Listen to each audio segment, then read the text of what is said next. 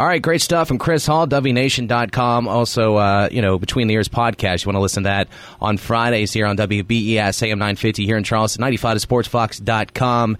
And over, uh, again, if uh, after that, it's all over the place on the internet and all the streaming services, including WNation.com. This guy is the other side, uh, the counterpart, the partner, I should say, uh, the, the man. The life of the show. Yeah, the, the man, the life of the show, whatever you want to call him, uh, as far as Between the Ears podcast, as well as co owner of WNation.com. He is the other part there. Skylar Callahan joins me now, man. It's been a while, man. Welcome back. Thanks, man. Thanks for having me back on. Uh, it's been a while, like you said, but glad to always be back on the show. Well, I love you guys over there at DubV Nation, uh, and uh, you guys have done some tremendous work for my uh, my show, and and uh, you know obviously your podcast coming over on on my station as well. And I just want to congratulate you on the uh, Amazon deal there with the documentary with Eugene Napoleon. You want to kind of talk about that a little bit? Yeah, thank you. yeah, we just found out. I think it was Friday morning. John our site manager sent me a message and said that the that the documentary inside the jersey Eugene Napoleon was up on Amazon.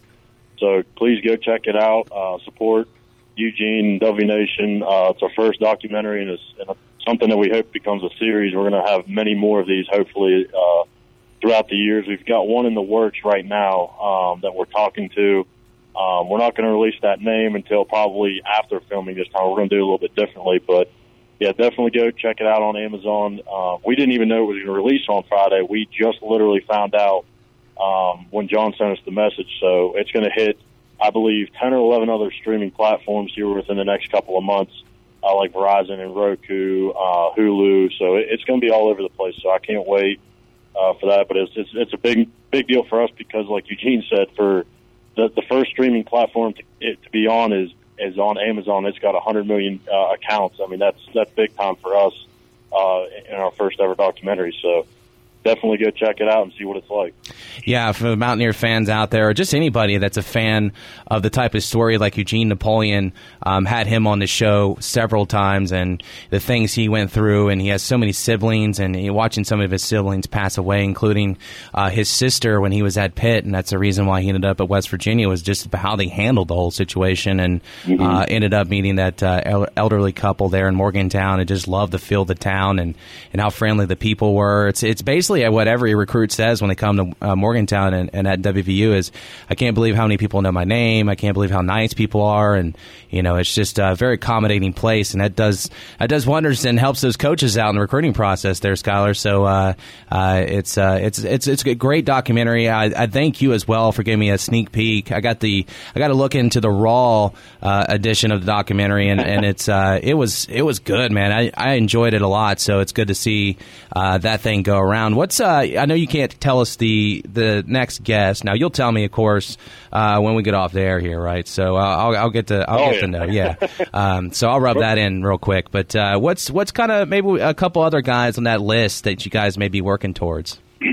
Uh, we'd obviously like to go towards the big guys. Uh, we want to get Coach Nehlen on there, Major Harris, uh, Pat White, Steve Slaton, Owen Schmidt, uh, Karl Joseph. You know, any any big time WVU player that has made a mark on the program, we want to definitely try and go after.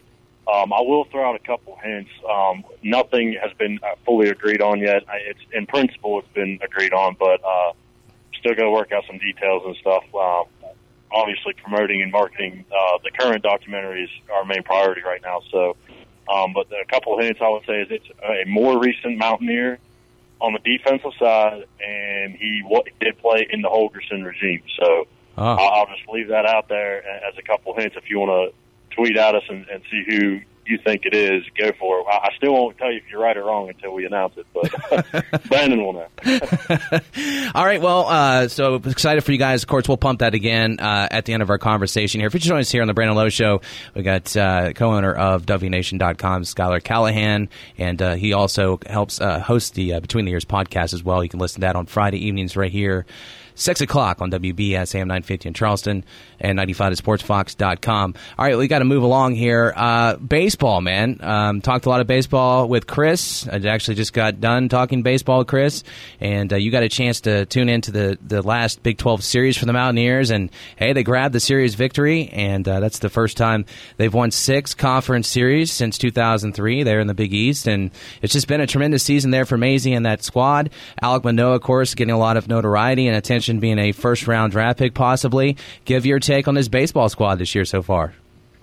I love it. I mean, I never expected them to rebound after an 0 4 start in Big 12 play, but they did a hell of a job coming back. I think they finished 13 and 7 their last 20 games or something like that.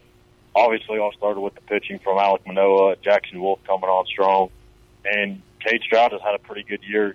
He's kind of flown under the radar being that Sunday starter. No one really pays attention to those guys because they usually only go four or five innings, and uh, you usually have to tap into your bullpen. But he's done a fairly good job, and really, they Nick Snyder is probably the bit, the best midweek pitcher in all Big 12 baseball. So when you have four really good starting pitchers, it's going to take you a long way. I know the bullpen's had its its ups and downs, but um, the offense has been a little sporadic. But again, as long as you come out winning series, that's all that matters in college baseball.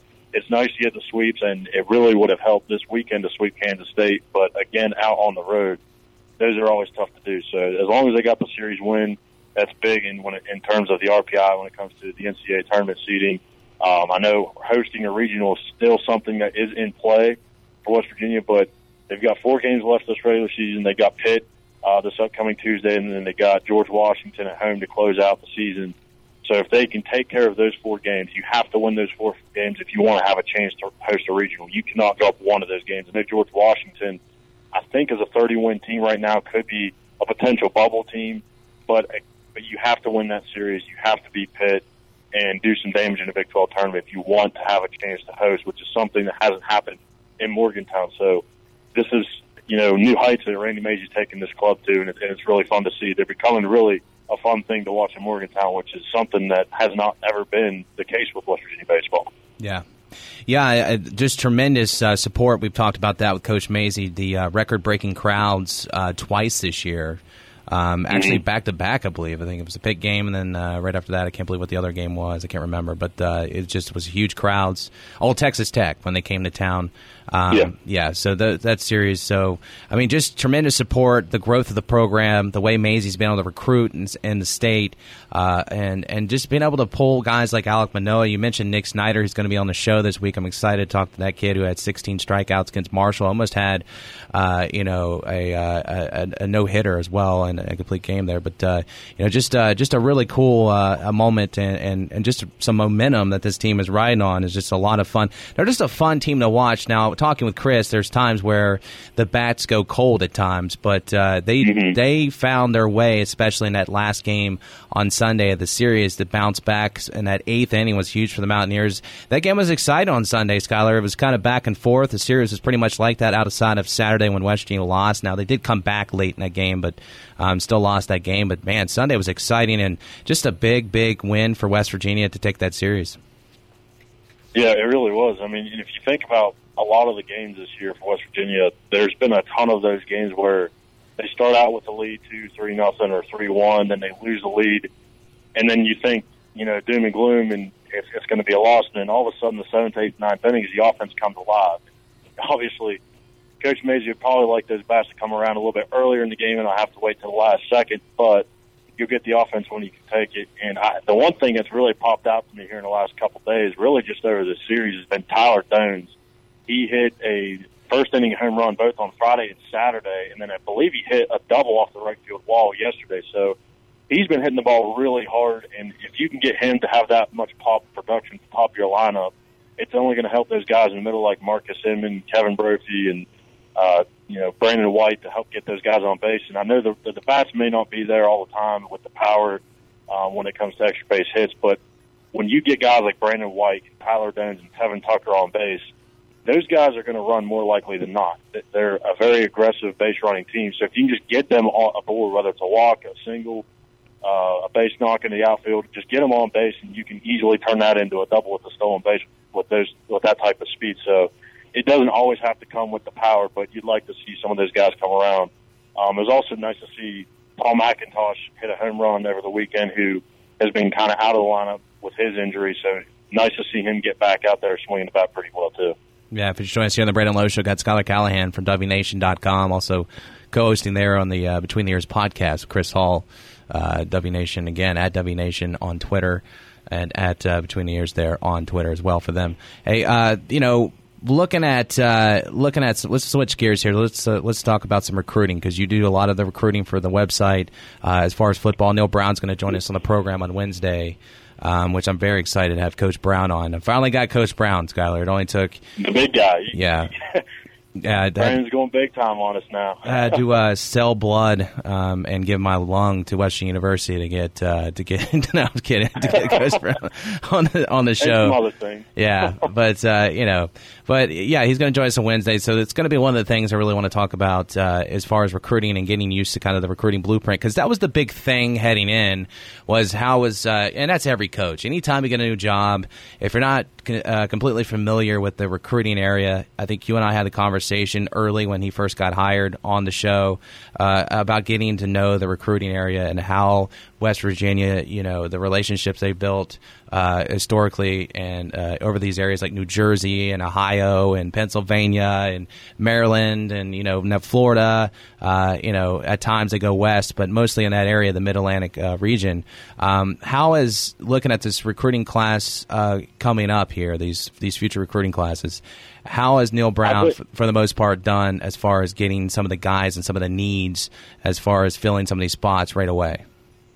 I think he's done a really good job. I mean, for a, coach and a whole new coaching staff to come in and address their needs right away, it, it's probably not the, the smartest thing to do. You kind of like the way you got to do it the way he did it. You come in, you get to know the players that you have on the on the roster currently, the guys that are coming in, whether it's the incoming freshmen or the transfers or the junior college guys. Get to know what you have in your cupboard first before you go out there and try and pick some stuff out of the store.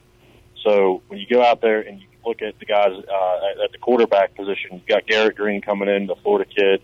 Um, Evan Simon is another quarterback that they're looking at from Pennsylvania uh, that is kind of leaning towards West Virginia right now. And I believe Neal Brown said he wanted to try and get at least one quarterback per class, and that's it's pretty smart because you don't ever want to end up in that situation again where they were heading into this season before they got Austin Kendall, where there's only two scholarship quarterbacks on the roster. That's a big problem. You cannot just have two scholarship kids in that room because if one goes down, you're down to only one scholarship kid, and then it's just going to be a big mess from there on out. But um, yeah, I love the fact that he's tapping back into New Jersey and New York. That's something that brought a lot of success uh, back in the Don Nehlen days. It's what helped get my buddy Eugene Napoleon to West Virginia. I mean, uh, you know, Eugene's been telling me for the last two, three years, we need to get back in New Jersey. We need to get back in New Jersey. And now they're back in there. They're they're finding some of the best the best uh, the best talent in the country. And if you look at really the last three or four years, some of the top 100 recruits in the country come from New Jersey and New York. And you really wouldn't think of it as being football states, but they have a ton of talent up there. Um, another guy that they're going after is uh, a running back from Brooklyn, New York, Lamy Constant. He just put West Virginia uh, in his top list of schools. Um, a couple of other guys that just put their uh, that put the Mountaineers in, the, in that top group has been uh, Quentin Williams, which he did over the weekend. Uh, the Charlotte linebacker, 2020 class. I spoke to him. He actually is also teammates with Parker Moore, the offensive lineman who's going to be coming in this upcoming season. So he's been getting recruited from not only the staff but Parker Moore as well. And um, there, there's just a ton of guys out there right now that I think are kind of just feeling out the recruiting you know, process right now. There's nothing too deep into, you know, the list of schools at the top interest. There's only a handful of those guys out there right now. It's just a lot of offers going out. Uh, it's very early in the recruiting process, and once June comes around and July comes around, that's when we're starting to see a lot of these kids kind of narrow their their, their schools down and whatnot. But um, another receiver I wanted to mention, I just found this out this morning. Uh, it was a junior college receiver, Darren Wilson at Butler Community College out in Kansas big kid, six foot three, 210 pounds, very long, very lanky, could be kind of a red zone target. He was originally going to be a 2020 guy. He's now apparently reclassified to be a 2019 guy. Put West Virginia, Iowa State, and UAB in his top three is what he told us. And um, he's looking to visit, I believe it was the weekend of May 25th in Morgantown, and the decision sometime in June. So that's a name to keep an eye on for the the recruiting process. Awesome. For more of that, go to dubvnation.com, and there is tons of recruiting news over there as well if you want to keep uh, track with that. And uh, of course, we'll get Skylar's uh, handle as well on Twitter. He does a great job over there, uh, kind of letting everybody know what's going on. And along the way, whoever commits and whoever bails and goes for another school or just some offers in general, definitely want to follow along with Skylar on Twitter. We'll get that uh, out to Skylar uh, at the end of the conversation. I'm going to move along here. We only got a few minutes left. Um, NFL draft. They get a chance to talk to you. You know, talking about filling some of those holes, obviously offensively. Guys like Sills and Jennings and Will Grier off to the NFL. Uh, what was your take as far as uh, some of these Mountaineers? What were you hyped about uh, with the NFL draft with some of these Mountaineers being drafted? Well, it was it was an interesting couple of days because I, I remember Chris and I just sitting there waiting on the computer for Will to get drafted by somebody, and we were just waiting forever and ever and ever. And uh, ready to hit publish on the article, and he finally got drafted by Carolina Panthers. And I thought it was a, it was a great situation for him and his family, having to only be five ten minutes away from Bank of America Stadium. So I think it's a good fit for him um, in that sense. As as far as playing, you know, obviously he's not going to be the starter anytime soon unless Cam Newton continues to have injury issues. Um, but we don't know what what the what Cam's future is going to be. His his contract runs out next year at the end of 2020 and he may be looking another direction, or the Panthers may be looking another direction. I mean, he just turned 30 years old, so they may go with the younger option if they see promise in Will, and he continues to progress uh, at a good pace. Then maybe they turn to to Will Grier. Uh, but you know, who knows? Um, I think obviously the biggest surprise of the draft was David Sills not being drafted. And I think that took a lot of people by surprise, not just West Virginia fans, but just college football fans in general. I thought everyone had him as a fourth or fifth round draft pick, maybe even earlier. Um, but I think him getting a chance with the Buffalo Bills is going to be a good spot for him. There's really no good returning um, presence up there in that receiver room, so I think he's definitely going to get a shot in the preseason to make that 53 man roster. And Gary Jennings going to the Seattle Seahawks, I think, is a perfect fit. I think he had the best fit of any of them, especially now with Doug Baldwin being released uh, from the Seahawks and now going off into retirement. So he's going to have a chance to play early on. They really don't have a clear cut number one guy. Paul Richardson had a, a great season for them a couple years ago. Now he's with the Redskins. Tyler Lockett's always been kind of a, a return specialist for them, the guy that was a Mountaineer killer at Kansas State. So he's really not a number one guy either. And Jennings kind of fits that build. I know they also drafted DK Metcalf earlier, uh, I think in the second round out of Ole Miss but he's really not, you know, he's not a polished receiver. He's very raw. He's got the, the strength and, and the speed and everything, but he really didn't have a an expanded route tree at Ole Miss. He was very limited on what he could do. He didn't really move around that well. So I think Jennings is going to have a very good chance uh, to make his name early on.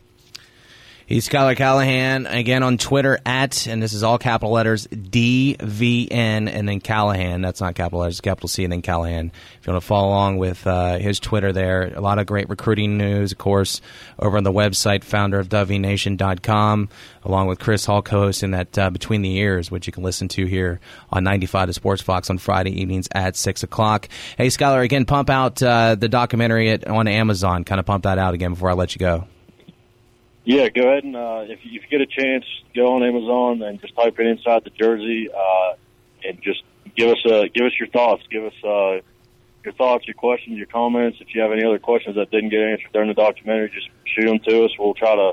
I think you and Eugene and I are going to try and do a little uh, Q and A here in the next couple of months um, about the documentary. So if you have any questions, send them to us uh, on social media or send them to Brandon. We'll get those answered for you. Um, you, and just just let us know your feedback. Just let us know what you think, and we hope you enjoy it. Skylar, appreciate your time, man. Appreciate your work as well. And again, go over to WNation.com and check out all the recruiting, everything Mountaineer. They do a, a great job over there. Skylar, appreciate you, man. No problem. Thanks as always, Brandon.